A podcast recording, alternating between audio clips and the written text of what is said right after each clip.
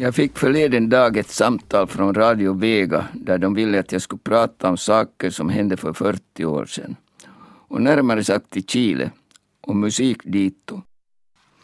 Jag heter Tapani Broterus, fyller snart 76 år och är sedan länge pensionerad från utrikesministeriet. För 40 år sedan tjänstgjorde jag i Chile som diplomat och upplevde där med min familj en serie dramatiska händelser. Viva Chile! Viva el pueblo! Viva los trabajadores! Estas son mis últimas palabras. Tengo la certeza de que mi sacrificio no será en vano. Tengo la certeza de que por lo menos será una lección moral que castigará la felonía, la cobardía y la traición.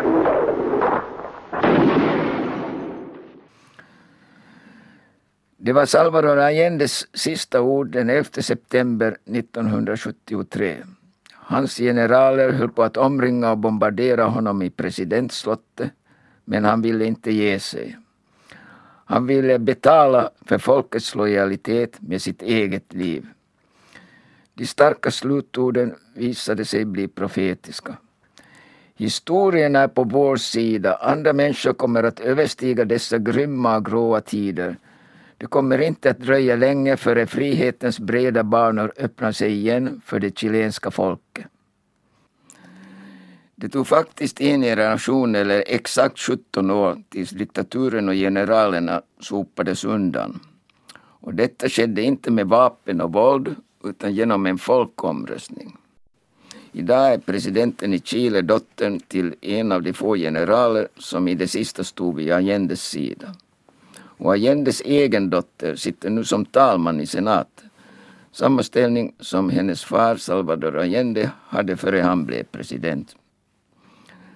Men tillbaka till de dramatiska händelserna. Finland skulle öppna en egen ambassad i huvudstaden Santiago.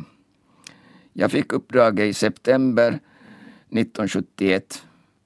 Den officiella orsaken var att där inom kort skulle hållas en stor FN-konferens och det gällde således att skynda på. Jag hade ytterst knappa kunskaper om landet vilket i sig själv inte brukade vara ett hinder för utnämningar på UM. På gatan hade jag stött på min förra chef Max Jakobsson, den berömde FN-ambassadören. När han hörde vad jag skulle ta vägen tyckte han att det var högst intressant. Chiles president är ju den första marxisten som har fått makten genom fria val, lät hans vägledning. Den detaljen hade jag nog inte tänkt på. Närmast hade tankarna surrat kring utmaningar av mera vardaglig natur. Såsom hur den talrika konferensdelegationen borde skötas, hur en ambassad skulle öppnas och särskilt hur en 33-årig novis kunde göra sig gällande i sällskap av hårdkokta ambassadörer och andra vargar. Jag skulle ju heller inte bli någon plenipotentat såsom min gode vän Basse Lindeman, politikern och diplomaten, brukade säga. Erfarenheten visade senare att det var bäst att handskas utan sufflörer och att anlita eget förstånd. Jag blev snart utsänd på en förhandsresa till Chile för att ta reda på hur landet låg. Den här nostalgiska valsen, hur en främling blir vart emottagen i Chile, stämde faktiskt med verkligheten. Kanske var det landets isolerade läge bakom Anderna eller Stilla havet beroende på från vilket håll man än anlände som var orsaken till att invandrare hade tagits emot med öppna armar. I varje fall kände jag mig välkommen från det första ögonblicket. När militärdiktaturen sen grep makten tog det också slut med vänligheten. Alla oönskade element kastade ut eller ner i sjön. I samma veva satte man igång med en systematisk granskning av alla utlänningar. Detta gällde också våra landsmän, såsom Karl Johan Hedberg från Sankt Mikkel till exempel. Han hade rott till lands från ett av tyskarna sänkt brittiskt fartyg och vi talar nu om första världskriget eller 1910-talet. Hans personliga dokument från storfurstendömet låg på havsbottnen. Mannen hade bott ostörd i Chile sedan dess, etablerad familj, jobbat som snickare och var nu intagen på ett åldringshem, ja faktiskt i ett kloster söder om huvudstaden. Ambassaden utfärdade ett nytt pass åt den närmare 90 år gamle mannen och därmed blev Hedberg också berättigad till ett löpande socialbidrag hemifrån. Hans status, men också kontroll, steg plötsligt hos nunnorna då de fick nys om hans extra inkomster. Men med hjälp av vår vicekonsul Ilkka Jamala satte ett belopp åt sidan som Hedberg plockade troget upp varje månad för att festa rejält med under ett par dagar. Ett annat sjömansöde var den akterseglade, inget namn här, som hade gripits av militären då den spolade Valparaisos glädjekvarterer. Där hade Kan hållit hus i en bordell sedan gud vet hur många år. Han blev enligt reglementena hänvisad med så kallad konsulskjuts men hoppade strax av, troligen vid nästa hamn. Två observationer orsakade att Tapani Broterus, alltså jag, blev tvungen att förlänga min upptäcktsfärd till Chile på hösten 1971. Primo att landet skulle stå stilla från jul till fasta på grund av sommaren. Och för det andra, det höll på att hända ett och annat förutom FN-konferensen och dess förberedelser.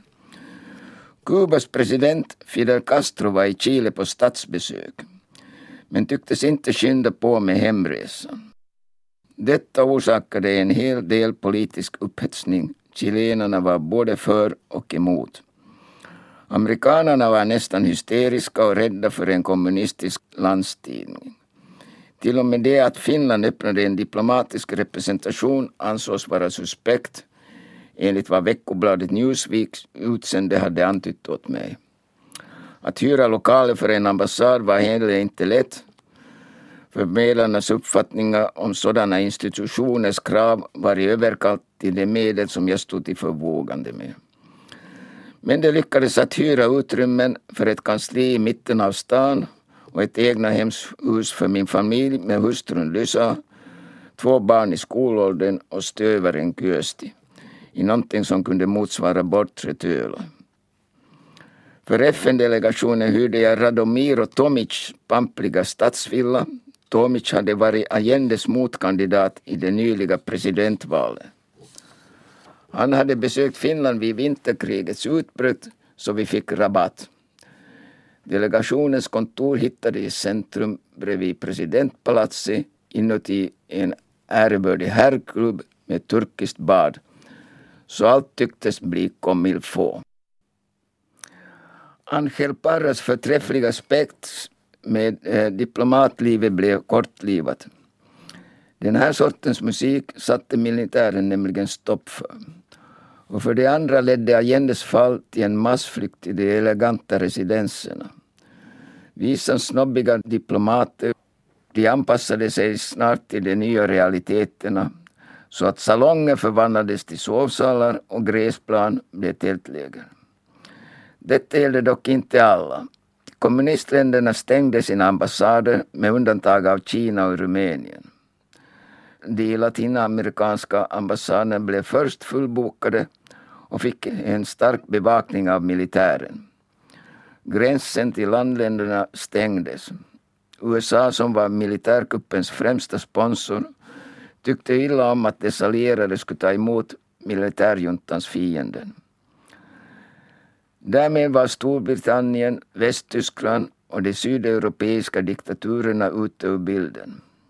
En motsatt linje togs av Frankrike och Italien som på grund av en stark hemmaopinion flaggade för Allendes sak. Några traditionellt flyktingvänliga länder såsom Norge, Nederländerna och Österrike ställde sig dock på tvären. Norge rapporterade hem att stämningen liknade den 17 maj det tog inte länge före det tog en hel omvändning. Det var Sveriges Harald Edelstam som skakade upp det. Strax efter kuppen fanns det alltså relativt få tillflyktsorter för Allendes anhängare. Ju mindre känt och mer avlägset landet var desto bättre för de förföljda. I brist på synligare maktsymboler än lejonflaggan gav skylten Suomen suurlähetystö, Finlands ambassad, en viss karaktärstyrka åt vårt hus. Ett par poliser stod utanför under dagstid. Efter utegångsförbudet belystes området av helikoptrar. Detta dock mera på grund av den närliggande kubanska ambassaden som hade visat tecken på beväpnat motstånd. Men också de östtyska diplomaterna gömde folk i sina källare och den fick vi senare ta via Finland till DDR. De första flyktingarna hoppade över bakmuren till oss några dagar efter militärkuppen. Bland dem fanns Allende-aktivister som nyligen hade besökt Finland för att underteckna ett samarbetsavtal för gruv och skogsindustrierna. Jag var nog medveten om att enligt utrikestjänstens handbok fick man inte släppa in några oinbjudna gäster, särskilt inte politiskt motiverade avhoppare. Begreppet asyl, alltså diplomatiskt skydd, hörde inte till Finlands verktygsskåp. När skadan sen hade skett ringde jag till ambassadören Alexander Amatus Testref i Argentina, min närmaste chef. Han undrade om det var stavhoppare som hade klarat sig över den höga muren och avslutade med någonting uppmuntrande, liksom koita nu vain pärjätä. Sveriges ambassadör Harald Edestam, som stod i nära kontakt med statsminister Olof Palme, hade Palmes fulla stöd för att ta emot folk. Att slå upp Kekkonens nummer kom jag inte ens att tänka på. Istället skrev jag ett brev åt UMs statssekreterare Rickard Tötterman och förklarade läget. Jag fick aldrig något svar så att när huset var fullt ringde jag till den jourhavande tjänstemannen på UM. Antti Lassila, som lovade att ta saken upp med sina chefer på den politiska avdelningen. Emellertid hade en grupp inhemska journalister hunnit till Chile och undrar varför jag inte gjorde någonting i stil med det som Harald Edelstam gjorde. Han hade ju öppnat paraddörren för asylsökarna och han hade också sett till att det hade blivit välkänt via media. Jag medgav att visst var det häftigt, men att det som passar för Sverige passar inte varje gång för oss. Men journalisterna misstänkte att vi trots det hade någonting på gång. Och så var ju fallet. Ett trettiotal chilenare var vid det här laget härbärgade på vår vind och i andra byråer. Och medarbetarna Ilkka Jamala och Laura Kiviranta gömde vart sitt fall hemma hos sig. Men vi höll tyst om det här eftersom juryn i Helsingfors fortfarande var ute och grubblade över våra åtaganden och deras koppling till den Paasikivi-Kekkonenska linjen. Förlusten för oss blev några sura artiklar från Helsingin Sanomats Sakari Määttänen. Rundradions Kerstin Hanf hade kanske mera förståelse för oss, men hennes sändningar kunde vi ju inte höra. Uusisuomis Rauli Virtanen var redan då känd som ett proffs på krislägen och han fick lov att intervjua en av våra politiska skyddslingar, men utan att nämna Finland i sammanhanget. Sent om sidor fick vi grönt ljus från Helsingfors. Synbarligen hade man räknat ut att Chile låg tillräckligt långt borta för att blandas ihop med Finlands hårda behandling av avhoppare från Sovjetunionen. Regeringen meddelade också att den var villig att ta en del av våra skyddslingar till Finland. Under mellantiden hade vi hyrt en skolbyggnad för att inkvartera den ökande strömmen av flyktingar. Då hade antalet gått över hundra streck. Vi hade också fått en ny arbetsgift i och med att DDR, Östtyskland, hade brutit sina förbindelser med Chile. Finland blev skyddsmakt för DDR. En reducerad grupp östtyskar blev kvar på plats men enbart den var fem gånger större än vårt fulla manskap. DDR-folket misstänkte att vicekonsuln Jamala måste vara den hemliga agenten på vår sida och vi lät dem tro så. Vi kunde ju inte vara sämre trots vårt blygsamma antal. En av deras Stasi-medarbetare blev sen tagen på bar gärning och utvisad från landet. Det gav mig anledning att predika om att Finlands utrikespolitiska doktrin baserade sig på överjordiskt och inte underjordiskt agerande. Och det fick också duga åt DDR så länge det var under Finlands flagga. Vårt samarbete löpte i det stora hela på ett ganska okomplicerat sätt i den så kallade rödvinsrevolutionens anda med importerad östtysk öl som extra bonus. I Chile fanns det tre slags tyskar enligt ett välkänt ordspråk. Tyskar från Tyskland, invandrartyskar och skittyskar. Öst eller väst, who cares, menade de chilenska myndigheterna.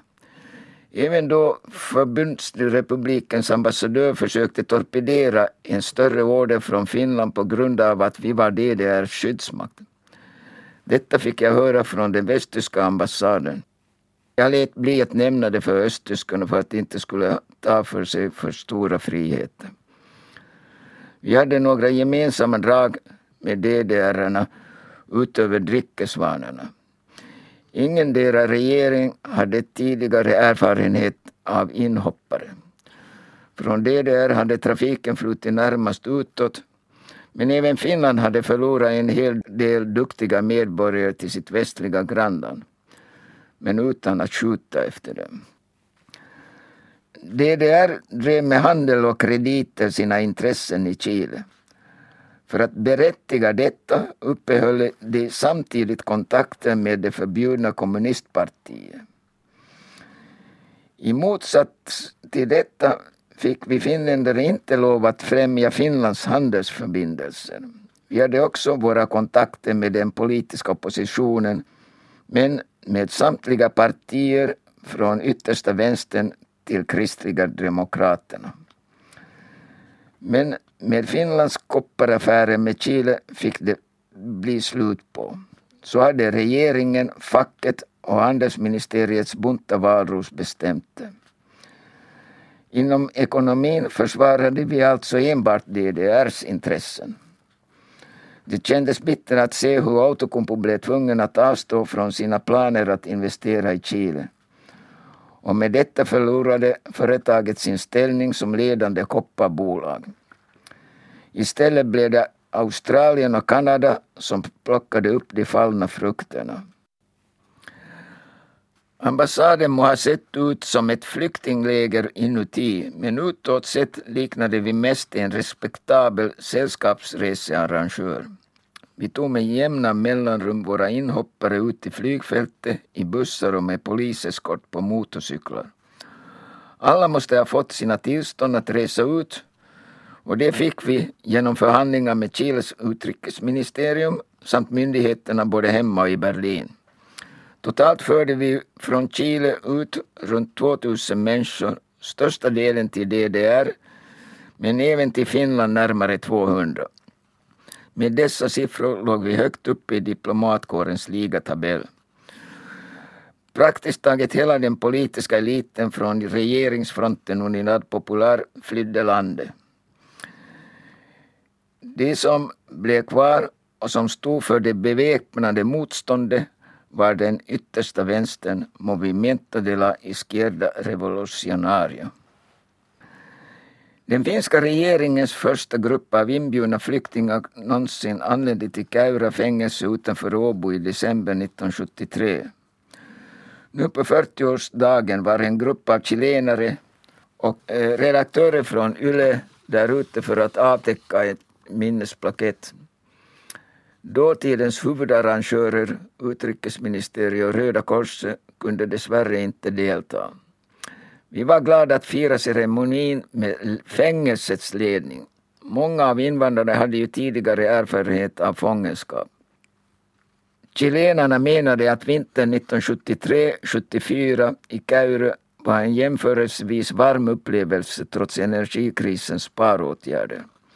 Relativt snart lärde invandrarna sig att umgås med omgivningen på annat än teckenspråk och att uttala ordet kära som man förstod det. Så vitt som Miguel Vera minns så rådde det ingen brist på samförstånd med flickorna på dansgolvet. Dock satt en stark hemlängtan kvar i många år. Folkmusiken och dansen var gemensamt för alla chilenare.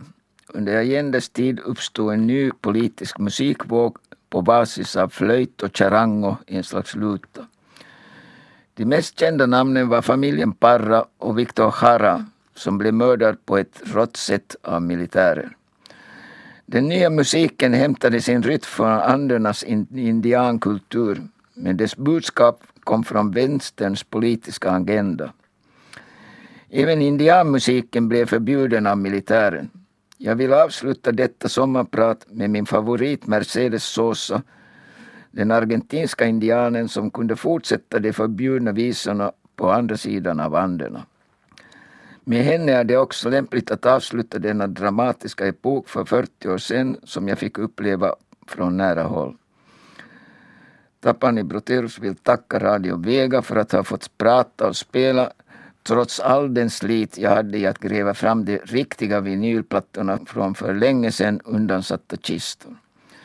Jag vill också tacka den kände musikologen och före detta flyktingen Alfonso Padilla för att ha hjälpt mig med grävande. Det tog 40 år förrän min arbetsgivare upptäckte att jag hade sysslat med någonting nyttigt anno datsumal. Som en vänlig gest bjöd utrikesministern Alexander Stubb på en kopp kaffe i sitt arbetsrum med statssekreteraren Pertti Torstila som vittne. Det var snyggt.